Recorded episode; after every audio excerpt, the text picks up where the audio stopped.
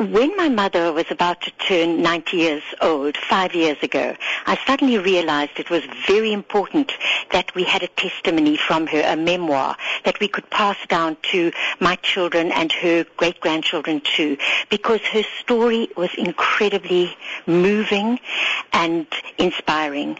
Uh, she was born in Germany, and because of events at that time, she, she had a really interesting life. And I just felt it was worth recording and uh, putting it out there.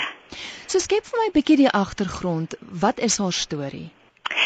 Uh, my mother was born in pre-war Germany and she and her family experienced terrible times because they were Jewish. Her father was beaten up and imprisoned and he was a broken man and he was told if he didn't leave Germany within a week he would be sent to a concentration camp. So he and one of the brothers went to Spain and eventually my mother and her, the rest of them followed. So they lived in hiding in Spain and they got caught in the Spanish Civil War. Hmm. Such terrible times for them and then they went to France as refugees hiding in the countryside, eventually in one room in Paris. And then, of course, things were very bad in France for them too. No work, they weren't allowed to work, so there was no money for food. Times were very, very hard. And then a strange synergy of events happened and somebody suggested she write to a young man in Rhodesia, which she had never heard of.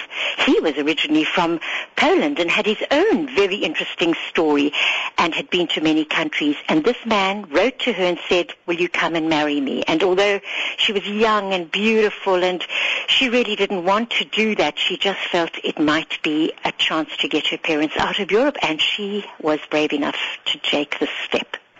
En soos ek verstaan het dit op die ou en haar lewe gered en haar hele wêreld verander. It certainly saved her. It saved her and regrettably she wasn't able to bring her parents out. War had broken out. Uh, Germany invaded France at that stage and heartbreaking, heartbreaking what happened to so many people. But she got a chance and although there were still many sad and tough times ahead for her because she lost her first child and she was really very, very full of desperation and despair. I think it was dark times for her, but she she suddenly made a turnaround and thought, look, I've got to make a go of this for, for my, my husband and the other children. And she summoned up some incredible courage from somewhere, although she had all these losses and, and griefs and sadnesses. Wat kan luisteraars verwag van die produksie? It's very accessible for audiences in that it's beautifully directed. It's at the theatre on the square, which is quite an intimate theatre. And although this is a one-woman show, I have with me on stage three remarkable musos. They're fantastic musicians. And between the three of them, they play something like eight or nine instruments that you've got such wonderful orchestral color happening from these three musicians. And we, they provide a carpet of music and we take you with the dialogue dialogue, of course, with, with my own narrating, plus interspersed with music from these different countries and different languages and different cultures. We, we have a fantastic range of music. And of course there's some slides and, and interesting sound effects and it's a, it's a very moving and, and it's a production full of impact by a very well-known director, Janice Honeyman. Mm. Hoekom is dit belangrik dat luisteraars die produksie moet sien?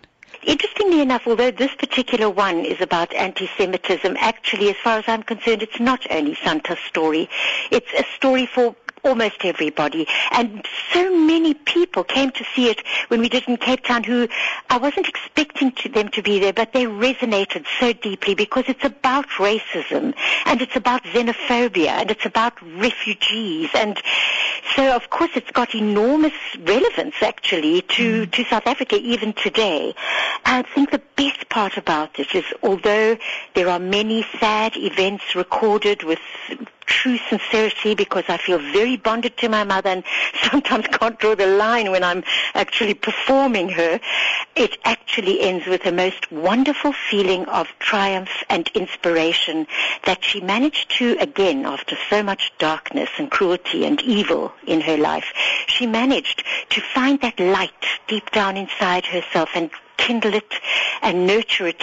And she I remember as a little girl growing up in Salisbury, Rhodesia, with my two sisters, she always brought joy and vivacity and music and inspiration to our lives. Um, so it is a story of survival of the human spirit and quite inspiring.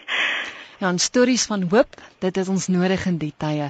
Aviva, tot wanneer toe is jy te sien by die Old Mutual Theatre on the Square? We're going to be performing this production until the 17th of February and um, there are quite a few performances that are uh, besides being 8.15 in the evenings on uh, Tuesday, Wednesdays and Thursdays, there are also two performances on a Saturday, 6 o'clock and 8.30, and then there's a matinee on the Sundays. However, I do believe some of these performances are sold out, so I, I do hope people make the effort and come and share Santa's story with me.